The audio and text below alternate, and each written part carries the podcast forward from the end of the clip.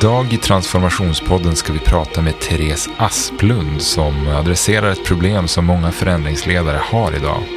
Hur går man från att veta att man måste börja förändra till att faktiskt börja göra? Therese har varit chef för tjänsteutveckling på Skatteverket. Hon vet hur man får saker att hända inom offentlig sektor. Hon har också varit en del av Skatteverkets innovationsteam och idag så är hon uppdragsledare för datastrategi och dataplattform på Tillväxtverket. Men du Therese, hur, hur är läget? Jo men det är bara bra, tack. Hur är det själv? Det är också bra med mig, men jag, du har väl kanske känt att jag har stressat in i ditt liv på något sätt. Jag har åkt ner från, från Umeå och vi sitter på Hello Futures kontor i Stockholm nu. Och det gick ju inte. Snö i Luleå påverkade min morgon. Men eh, nu är vi här och det ska bli kul att snacka med dig. Jag har hört mycket bra Ja, vad kul. eh, om dig från Johan Lager som ni har varit kollegor förut va? Precis, jobbade tillsammans på Tillväxtverket. Just det. Och där jobbar du kvar idag. Jobbar kvar, absolut. Trivs jättebra. Och vad gör du för någonting? Jag jobbar som projektledare för ett projekt som heter Datastrategi och dataplattform. Där vi siktar på att skapa datadriven utveckling på Tillväxtverket. Vårt stora mål är att använda data som strategisk resurs. Alltså egentligen hitta case inom Tillväxtverket som man kan skapa datadriven utveckling utifrån. Okej, men hur, alltså, vad betyder det att använda data som, som resurs? Jag kanske har hört data är det nya guldet. Ja, Ja. Vi försöker hitta data på Tillväxtverket som vi kan använda för att göra bättre situationer för våra kunder. Egentligen skapa regional tillväxt för hela Sverige mm. och kunna hitta bra case för att hjälpa till det.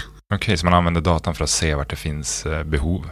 Ja, exakt. Skapa Mm. insikter, kanske skapa bättre beslut till syvende och sist liksom hos regeringen eller skapa bättre beslut internt på Tillväxtverket vad vi ska satsa på eller hjälpa företag att ta bättre beslut i sin vardag. Okej, spännande. Och vad, hur kan en dag se ut om du ska så konkretisera vad du gör? Oj, mycket möten såklart, myndighetstungt, Myndighetsvärlden. myndighetsvärlden. Eh, men jag siktar ju på att ha stand-up med mitt team, kanske på morgonen. Vi har stand-up två dagar i veckan. Och då går vi igenom läget, vad har vi gjort sen sist, vad ska vi göra idag, finns det några hinder? Mm. Och sen så handlar det mycket om internt förändringsarbete. Och driva liksom utveckling och verkligen få till att göra saker här och nu. Mm, just det, det, det, det det jag tänker ska bli spännande att, att prata om för att vi har ju märkt att många av de som är i vår målgrupp, alltså förändringsledare någonstans inom, inom offentlig verksamhet, eh, en, en delmålgrupp som vi har, de vet att de måste göra någonting, men kanske inte vad. Och Mm. det finns väldigt många som pratar om innovation och förändring, men det är svårt att konkret veta hur man kommer igång. Och där känns ju du som en person som, ja, du får saker att, att hända. Mm. Eh, men okej, data, vad sa du att det hette? Data och Datastrategi och dataplattform. yes, datastrategi och dataplattform. Ehm, hur hänger det ihop om du liksom ska zooma ut på Tillväxtverkets större Mm. uppdrag? Sådär? Mm. Varför behöver ni en sån avdelning? Men jag brukar tänka för mig själv i alla fall att datastrategi är någonting som är mer visionärt eller mer långsiktigt. Och att dataplattform är någonting som vi behöver mer här och nu för att liksom kunna, vi vill ju hämta data, vi vill lagra data, vi vill använda data. Mm. Och för att vi ska kunna göra det på ett effektivt sätt så behöver vi samla data. Det som är vanligt idag, vilket jag ser hos många andra stora organisationer också, är att man har varje data i sitt källsystem, men det är svårt att dra slutsatser emellan dem. Mhm. Så vi vill skapa den här bryggan emellan varje system. Istället för att tänka applikation så ska vi tänka liksom ett ekosystem av information. Någonting liksom större, någonting som vi kan använda i framtiden.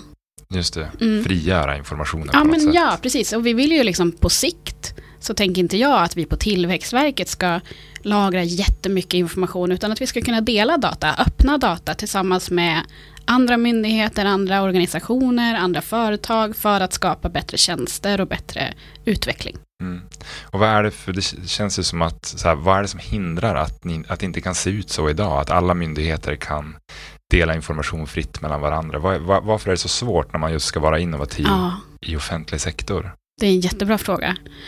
Det finns ju många, jag tror många hindras av upphandling, Mm. många hindras av juridik, Många hindras av kanske tröghet i systemet. Många hindras av kostnader också såklart. Man har redan byggt upp sina system utifrån gammal teknik och det är svårt att ställa om på ett snabbt sätt som är tillräckligt snabbt i alla fall.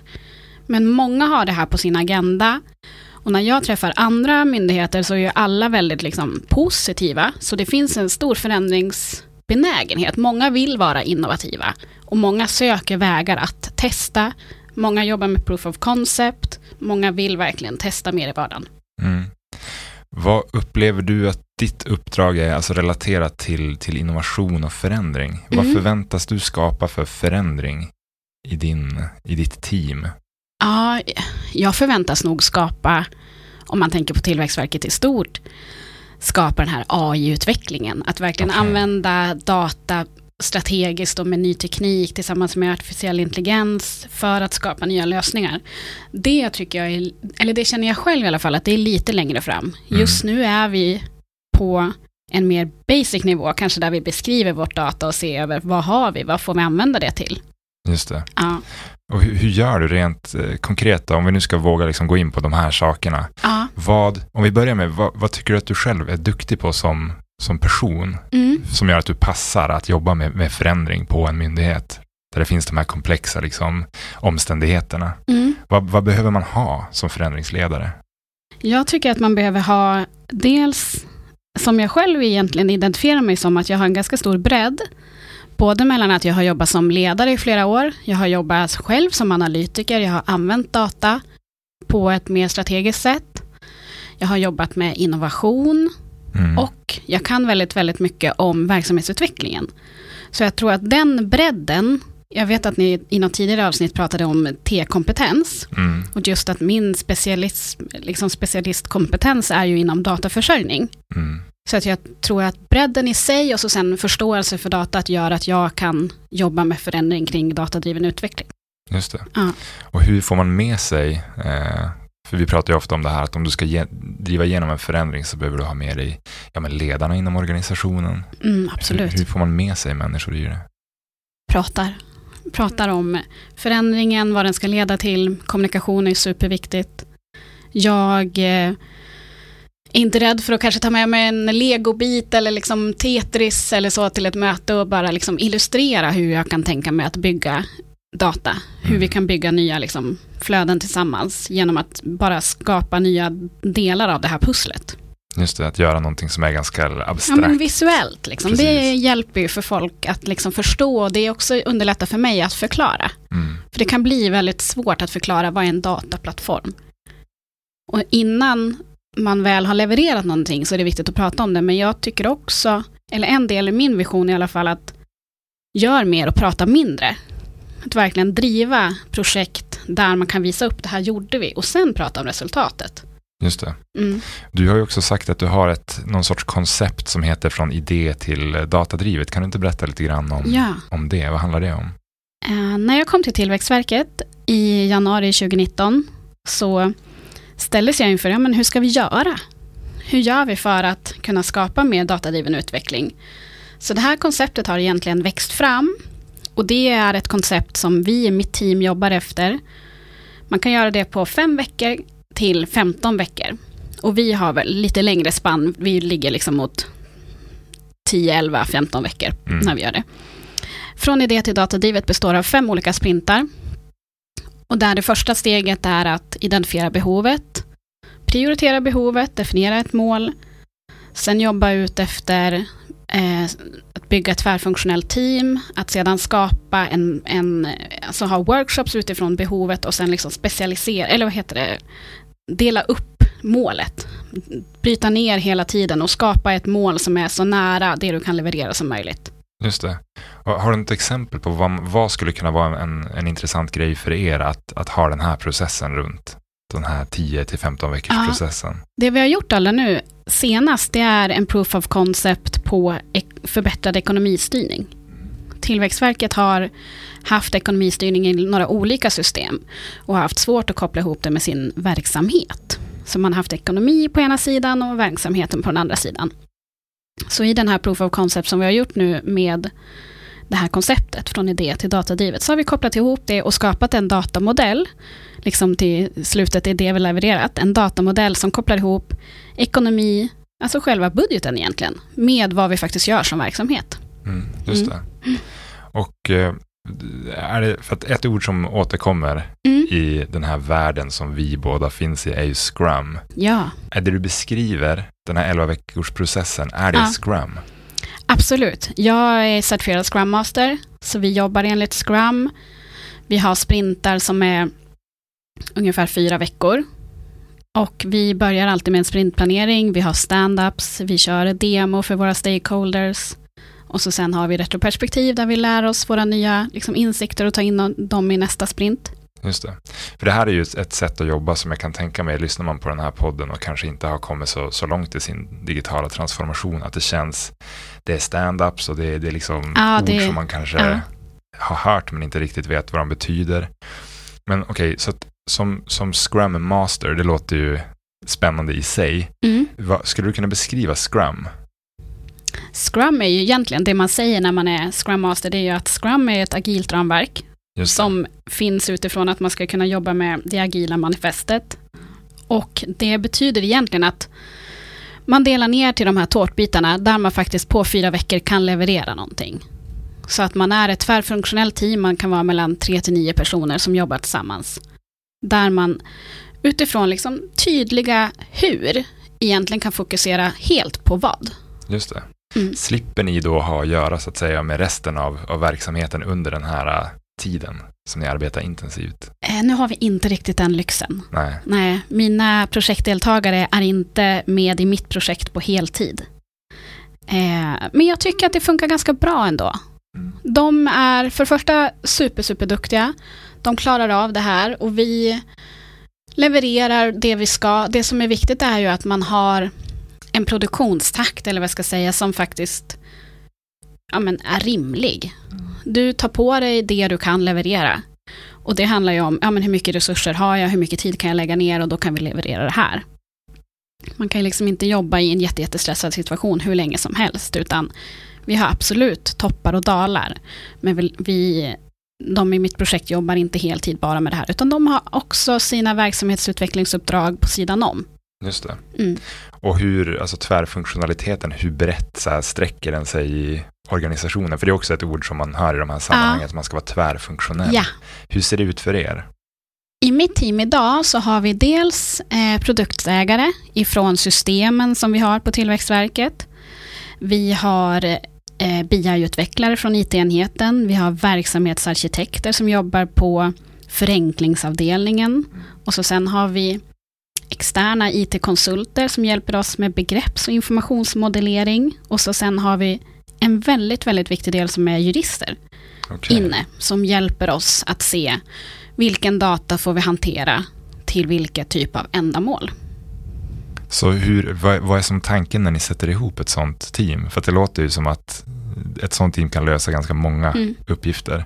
Tänker ni att det ska vara så brett som möjligt eller hur? Nej, jag glömde faktiskt en viktig del också. Vi tar in, utifrån vilket case som vi jobbar med, så tar vi in exakt den också verksamhetskunskapen. Så vi Okej. ligger alltid väldigt, väldigt nära verksamheten och så har vi alltid också våra vad ska vi säga, användare eller vår målgrupp som vi intervjuar och har nära tillsammans med oss också. Just det. Nu ställer du en fråga som jag missade. Eh, ja, jag tänkte hur ni formar de här Ja. tvärfunktionella teamen. Om det ser olika ut varje gång eller liksom vad, vad gör att de ser ut på det här sättet? Finns det några principer man kan tänka på? Det finns det säkert. Jag har ju tänkt att vi ska fånga utifrån det som vi faktiskt gör med dataförsörjning så är det ju viktigt att ha någon som kan datat som det gäller ifrån det systemet. Det är viktigt att ha den juridiska kompetensen med tidigt. Det är viktigt att ha bra IT-kompetens, det är bra att ha, viktigt att ha utvecklarkompetens. Det som vi kanske skulle vilja lägga till ytterligare, det är bra kompetens för visualisering, vilket också är en del i att förklara vad vi har gjort. Mm. Och så sen verksamhetskompetensen. Det finns säkert någonting som man kan lägga till för att göra det ännu bättre. Just det. Så att ni jobbar egentligen med liksom en tjänstedesign-verktygslåda. Ni sätter användaren i centrum, intervjuar, utgår ifrån det. Absolut. Just det. Mm. Och är det så att behöver hela teamet kunna, alltså ha den verktygslådan med sig eller räcker det om, om du som någon sorts frontfigur har det? Eh, jag skulle inte säga att alla i teamet behöver ha samma typ av kompetens, absolut inte. Man behöver ha kunskap och kunna tillämpa och förstå varför man gör vissa saker. Mm.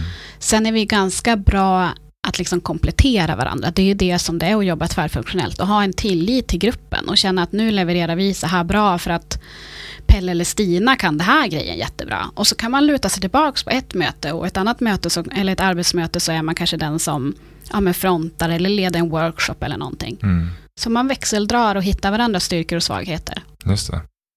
Har, har du varit med om, för du har ju varit på andra ställen, alltså an, inom offentlig sektor. Mm. Eh, har du varit, för du pratar ju nu om agilt arbetssätt, Mm. eller hur? Men har du varit med om motsatsen? Icke agilt. Icke-agilt, det van, traditionella. Ja, men jag har ju också jobbat med, eller varit nära i alla fall, liksom mer förvaltningsmodell, typ PM3 och sådana saker. Som är sådana förvaltningsmodeller som finns när man tar fram liksom rigida förvaltningsplaner och man jobbar med mer skilt mellan verksamhetsutveckling och IT till exempel. Mm. Eh, det har ju gått ganska bra. Och det är ju nu vi börjar känna att för att kunna takta upp och för att möta våra skattebetalare eller våra liksom kunders behov så behöver vi jobba på ett annat sätt. Vad skulle du säga då är skillnaden? Alltså om du till exempel jobbar med, med klassisk verksamhetsutveckling. Mm. Du har kanske stuprör eh, i form av, av avdelningar som inte alls har något, något vettigt samarbete mellan varandra. Skillnaden på effekterna när man jobbar på det sättet och som ni jobbar idag när man har tvärfunktionella team, man jobbar Mm. agilt som det heter, man Mm. jobbar mycket mer tjänstedesigninriktat och med kortare projekt runt tydligare utmaningar. Det låter, jag skulle nästan kunna säga effekterna här, men så här, vad har du sett själv för skillnader i, i output, som det så fint heter? Jag skulle vilja säga, för det första tycker jag själv att det är mycket roligare att jobba så. Ja. Man känner ju själv när man levererar att man levererar ett större värde. Sen ska jag inte säga att det andra är sämre, men idag så funkar det bättre att jobba tillsammans. En organisation är ju bara egentligen en bild på ett papper. Mm. Det är egentligen bara enheter som behövs liksom för att ha personalansvar eller någonting annat. Sen att det vi levererar, det måste vara en helhet för varje organisation. Och det Mm. som egentligen är förlängningen av det, det är att vi ska jobba mer över myndighetsgränser, skapa bättre till exempel öppna data, skapa gemensamma lösningar kring AI eller någonting annat. Dela data och skapa bättre, ja, men utifrån ett livshändelseperspektiv till exempel. Just det, då är man väldigt kundcentrerad. Exakt, och då Mm. kanske man behöver vara flera myndigheter som utvecklar vissa saker. Och sådana exempel finns det ju i det offentliga Sverige idag, där man faktiskt har lyckats. Mm. Mm. Du, ett, ett annat ord som, som du har nämnt när vi pratat här innan är ju MVP. Ja, Det är jag också nyfiken på. ja, Jag vet ju vad det står för, men jag tänkte för våra lyssnares skull, alltså minimum valuable, nej, minimum viable, Viable product. product. Du ser. ja. Vad är det och hur använder ni det? Ja, i dagsläget kanske jag inte använder lika mycket som jag gjorde i Skatteverkets innovationsteam. Men idag så använder vi väl det egentligen tillsammans med good enough-tanken skulle jag väl säga. Mm. Att vi levererar den minsta möjliga gemensamma nämnaren på där vi kan skapa liksom värde. Vi försöker dela ner vårt mål och gör liksom den här minsta grejen som vi kan leverera så fort som möjligt egentligen. Mm. Så vi gör en, en MVP, en minimal viable product, som vi kan leverera, som vi kan låta våra användare iterera kring och tänka bättre kring, som vi kan utveckla sen längre fram. Istället för att vänta liksom i ett år eller två år tills vi kommer vår, vår liksom stora release. Så Mm. gör vi en MVP och så utvecklar vi den och så försöker vi hela tiden bli lite bättre för varje sprint som går. Just det, och det, dels då för att kunna testa den mot folk Ja. som jag tolkar dig. Men har det också någon sorts värde för, alltså för din ledning, de som vill se resultat? Ja, de gillar också. De gillar det också, Ja. att få se Fast någonting Jag konkret. kan i och för sig tycka att eh, ibland så kan ledningen vara de som är liksom de här visionärerna som vill se gärna färdiga grejer så fort som möjligt. Vilket är bra, för då känner jag att men gud, de är på. Mm. De vill det här jättegärna och då blir man ju lite mer taggad också själv. Mm. Mm. Ja, för det är också en grej som ehm, det måste vara svårt att jobba på det här sättet om man inte har den, det commitmentet uppifrån. Och Absolut. jag tänker att kommer, ni har ett uppdrag som kommer väldigt högt uppifrån. Mm. Hur, hur skapar man frihet när det ser ut på det sättet? Det är så man får frihet. Hur menar du? När man får den högsta ledningens sponsorskap, Ja, då känner jag en stor frihet och en stor ja, men, backning. Liksom. Men hur kan man göra det? För jag tänker att det sitter jättemånga säkert och lyssnar på det här och känner att ja, hur ska jag få den här sponsringen? Ja. Hur, hur gör man det? Har du bara fått det i ditt knä? Ja, men just i det här uppdraget så måste jag säga att det fanns redan på plats när jag kom. Okej. Ja, och sen så har väl vi fått förtjäna förnyat förtroende under tiden. Mm. Det är väl så, men många organisationer idag vill jobba datadrivet, så ta chansen bara. Just det. Mm. En, en sak till som du sa här för ett litet tag sedan som jag tyckte var intressant var att du kände dig så mycket mer motiverad av att jobba på det här sättet. Mm. Hur, för nu har ju du varit i organisationer som har haft lite olika sätt att arbeta på.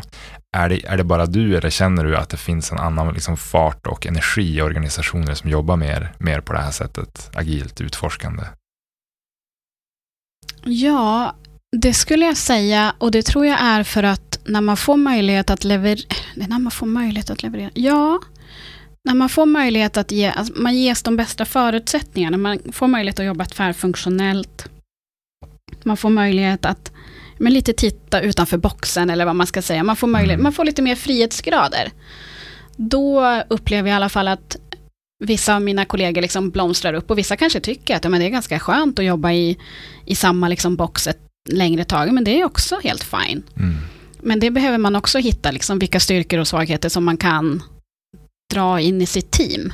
Ja, för ibland tänker jag lite så här att väldigt mycket av de här nya sätten man har att arbeta på, Mm. det är tjänstedesignmetodik, man Ja. jobbar agilt. Det låter lite som att det är en viss typ av person som passar för det. Man kanske ska vara ganska ung, man kanske ska vara ganska så här Oj, flexibel. Ja, det är min fördom ja, ja, om ja. det. ja Så, det, men, det stämmer inte alls. nej, men Nej. utveckla gärna. Jag tycker väl att det, det passar de allra flesta, ung som gammal. Eller, och många är ju väldigt, väldigt, jag tror det är mycket liksom hur man är motiverad och hur man själv liksom har provat på. Har man fått den möjligheten att testa det? Det är svårt att tycka så mycket om någonting som man aldrig har testat själv. Mm. Så har man fått den möjligheten att testa och känna att det här gick ganska bra, då gillar man nog kanske det. Och har man liksom mer hört att så här kan man jobba agilt, men man aldrig riktigt fått den friheten att testa, då kanske det är svårare att tycka att det är okej, liksom, eller kul. Mm. Mm. Det här good enough är ju, ett, tänker jag i det här sammanhanget, ett viktigt begrepp just för att är man inte van Mm. att saker och ting inte behöver vara helt färdiga, då kan det ju vara en ganska stor stress misstänker jag. Hur, vad är good enough för dig? Alltså hur bestämmer ni vad som är good enough?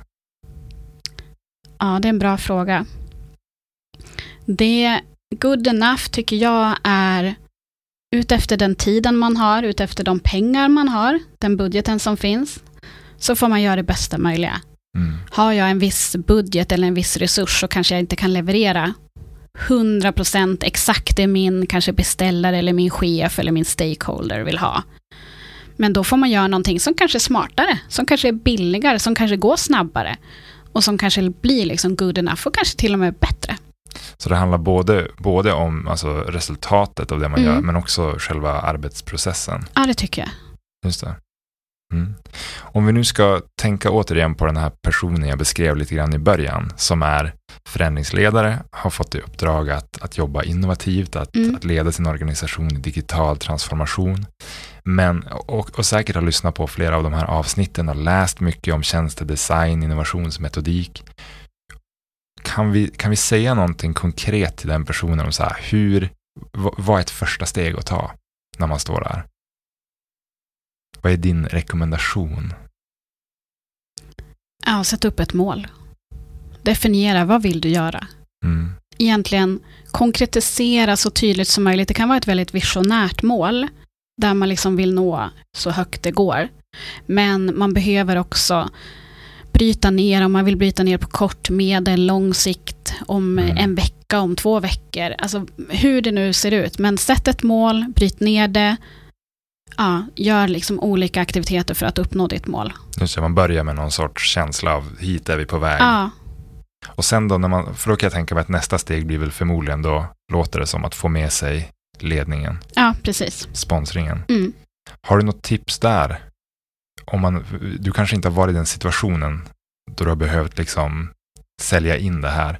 Men, men så här, hur, hur kan man sälja in det här? Ja, men det är där jag återkommer till de här eh, legobitarna eller Tetris eller vad som helst. Försök göra det så visuellt som möjligt. Försök göra det så intressant som möjligt. Var tillgänglig.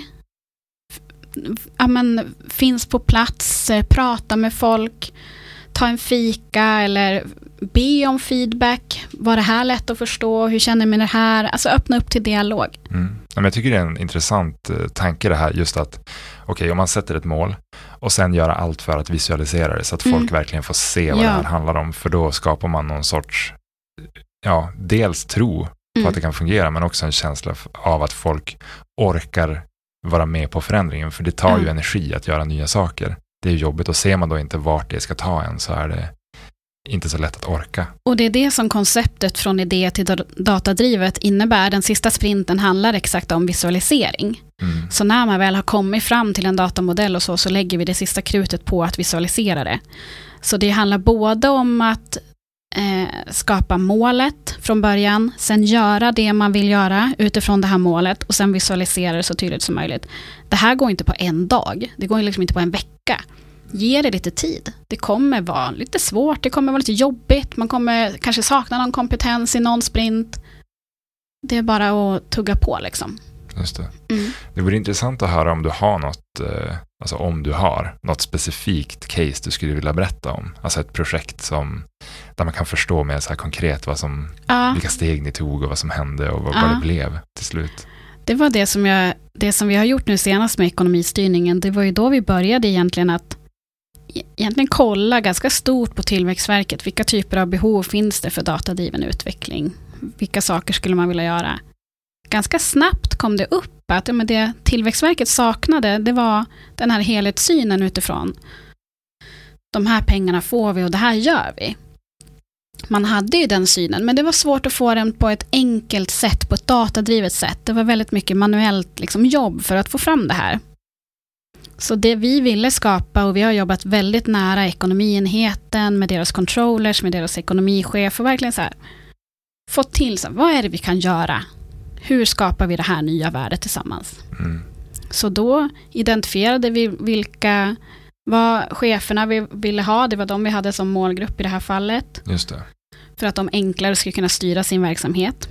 Eller liksom känna sig trygg med att ja, men det, här är de, det här är den budgeten jag har, det här är det jag levererar. Mm. Hur fick ni, gjorde ni intervjuer med dem då? Ja, vi gjorde intervjuer med dem. Just det. Mm, några stycken, inte alls liksom jättemånga, utan vi var ganska nöjda med att göra tre, fyra stycken. Mm. mm. Det är intressant, här. ibland tror man att man behöver intervjua 20-30 personer för att det ska bli statistiskt säkerställt. Ah, nej, det tror inte jag riktigt på. Nej, nej Utan, jag, man hit, ja, hitta några bra användare, sätt dig ner med dem, våra, våra trick var egentligen att spela in intervjuerna, gå mm. tillbaks. Du kommer kanske inte kunna liksom snappa upp precis allt. Vid ett enda samtal kan vara bra att spela in det så att du kan gå tillbaka själv och, och lyssna.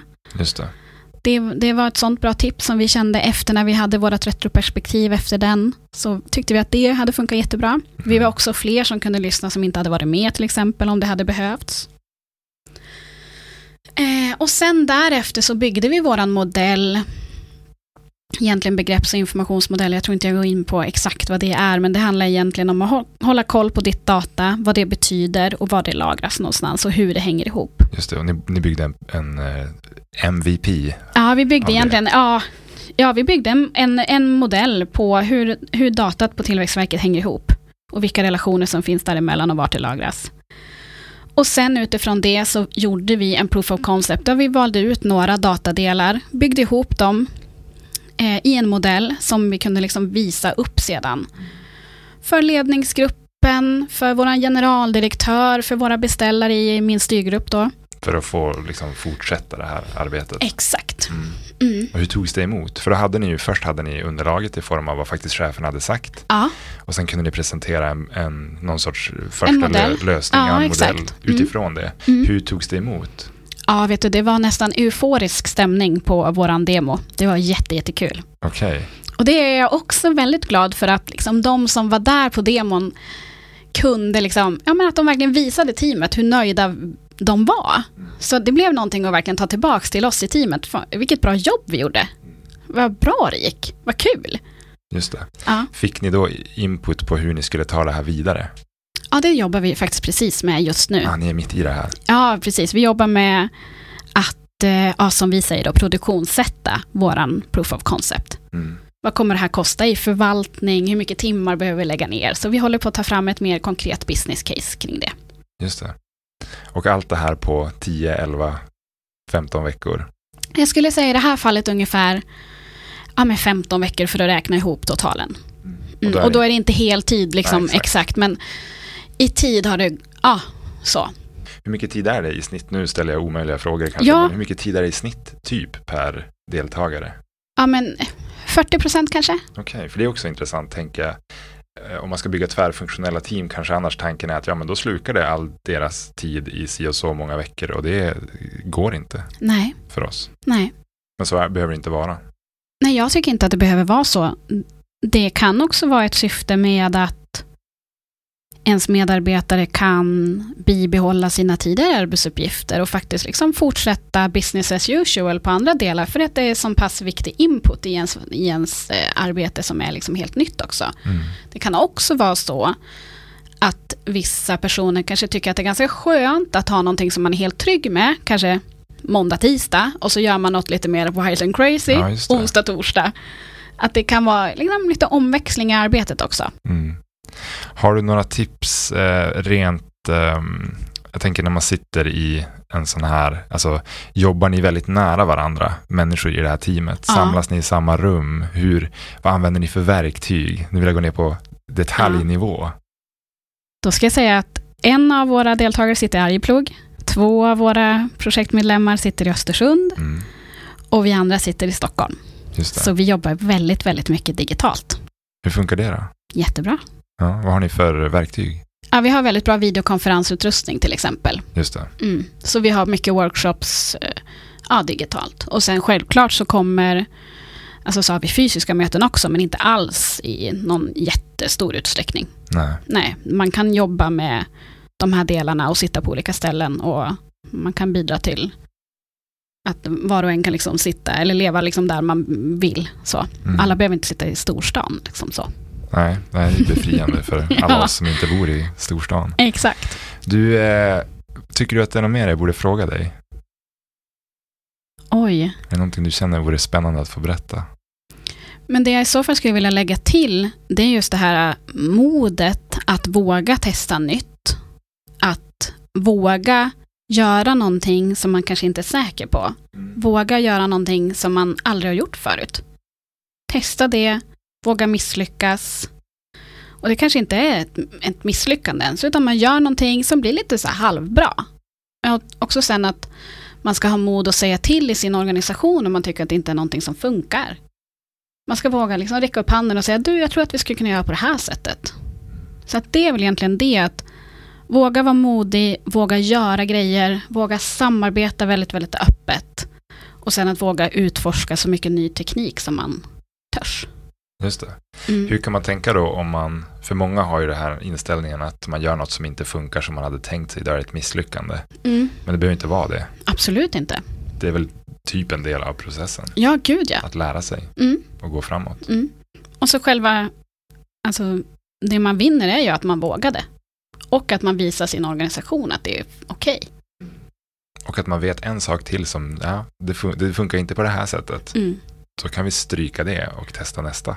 Men, och en sak som jag skulle vilja säga just kring att våga, det är ju att fail fast.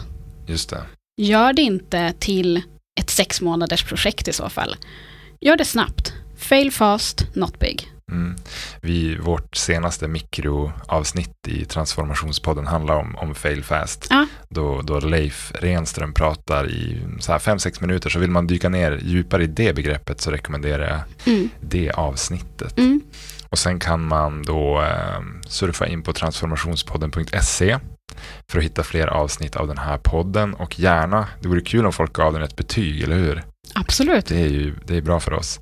Och delar den till fler. Eh, och vill man läsa mer om Hello Future, vi skriver också innehåll i form av artiklar, så kan man göra det på hellofuture.se. Men jag ska rikta ett stort tack till dig Therese för att du var med. Mm. Det var kul att få dyka in i din vardag. Ja, tack för att jag fick komma. Tack så mycket.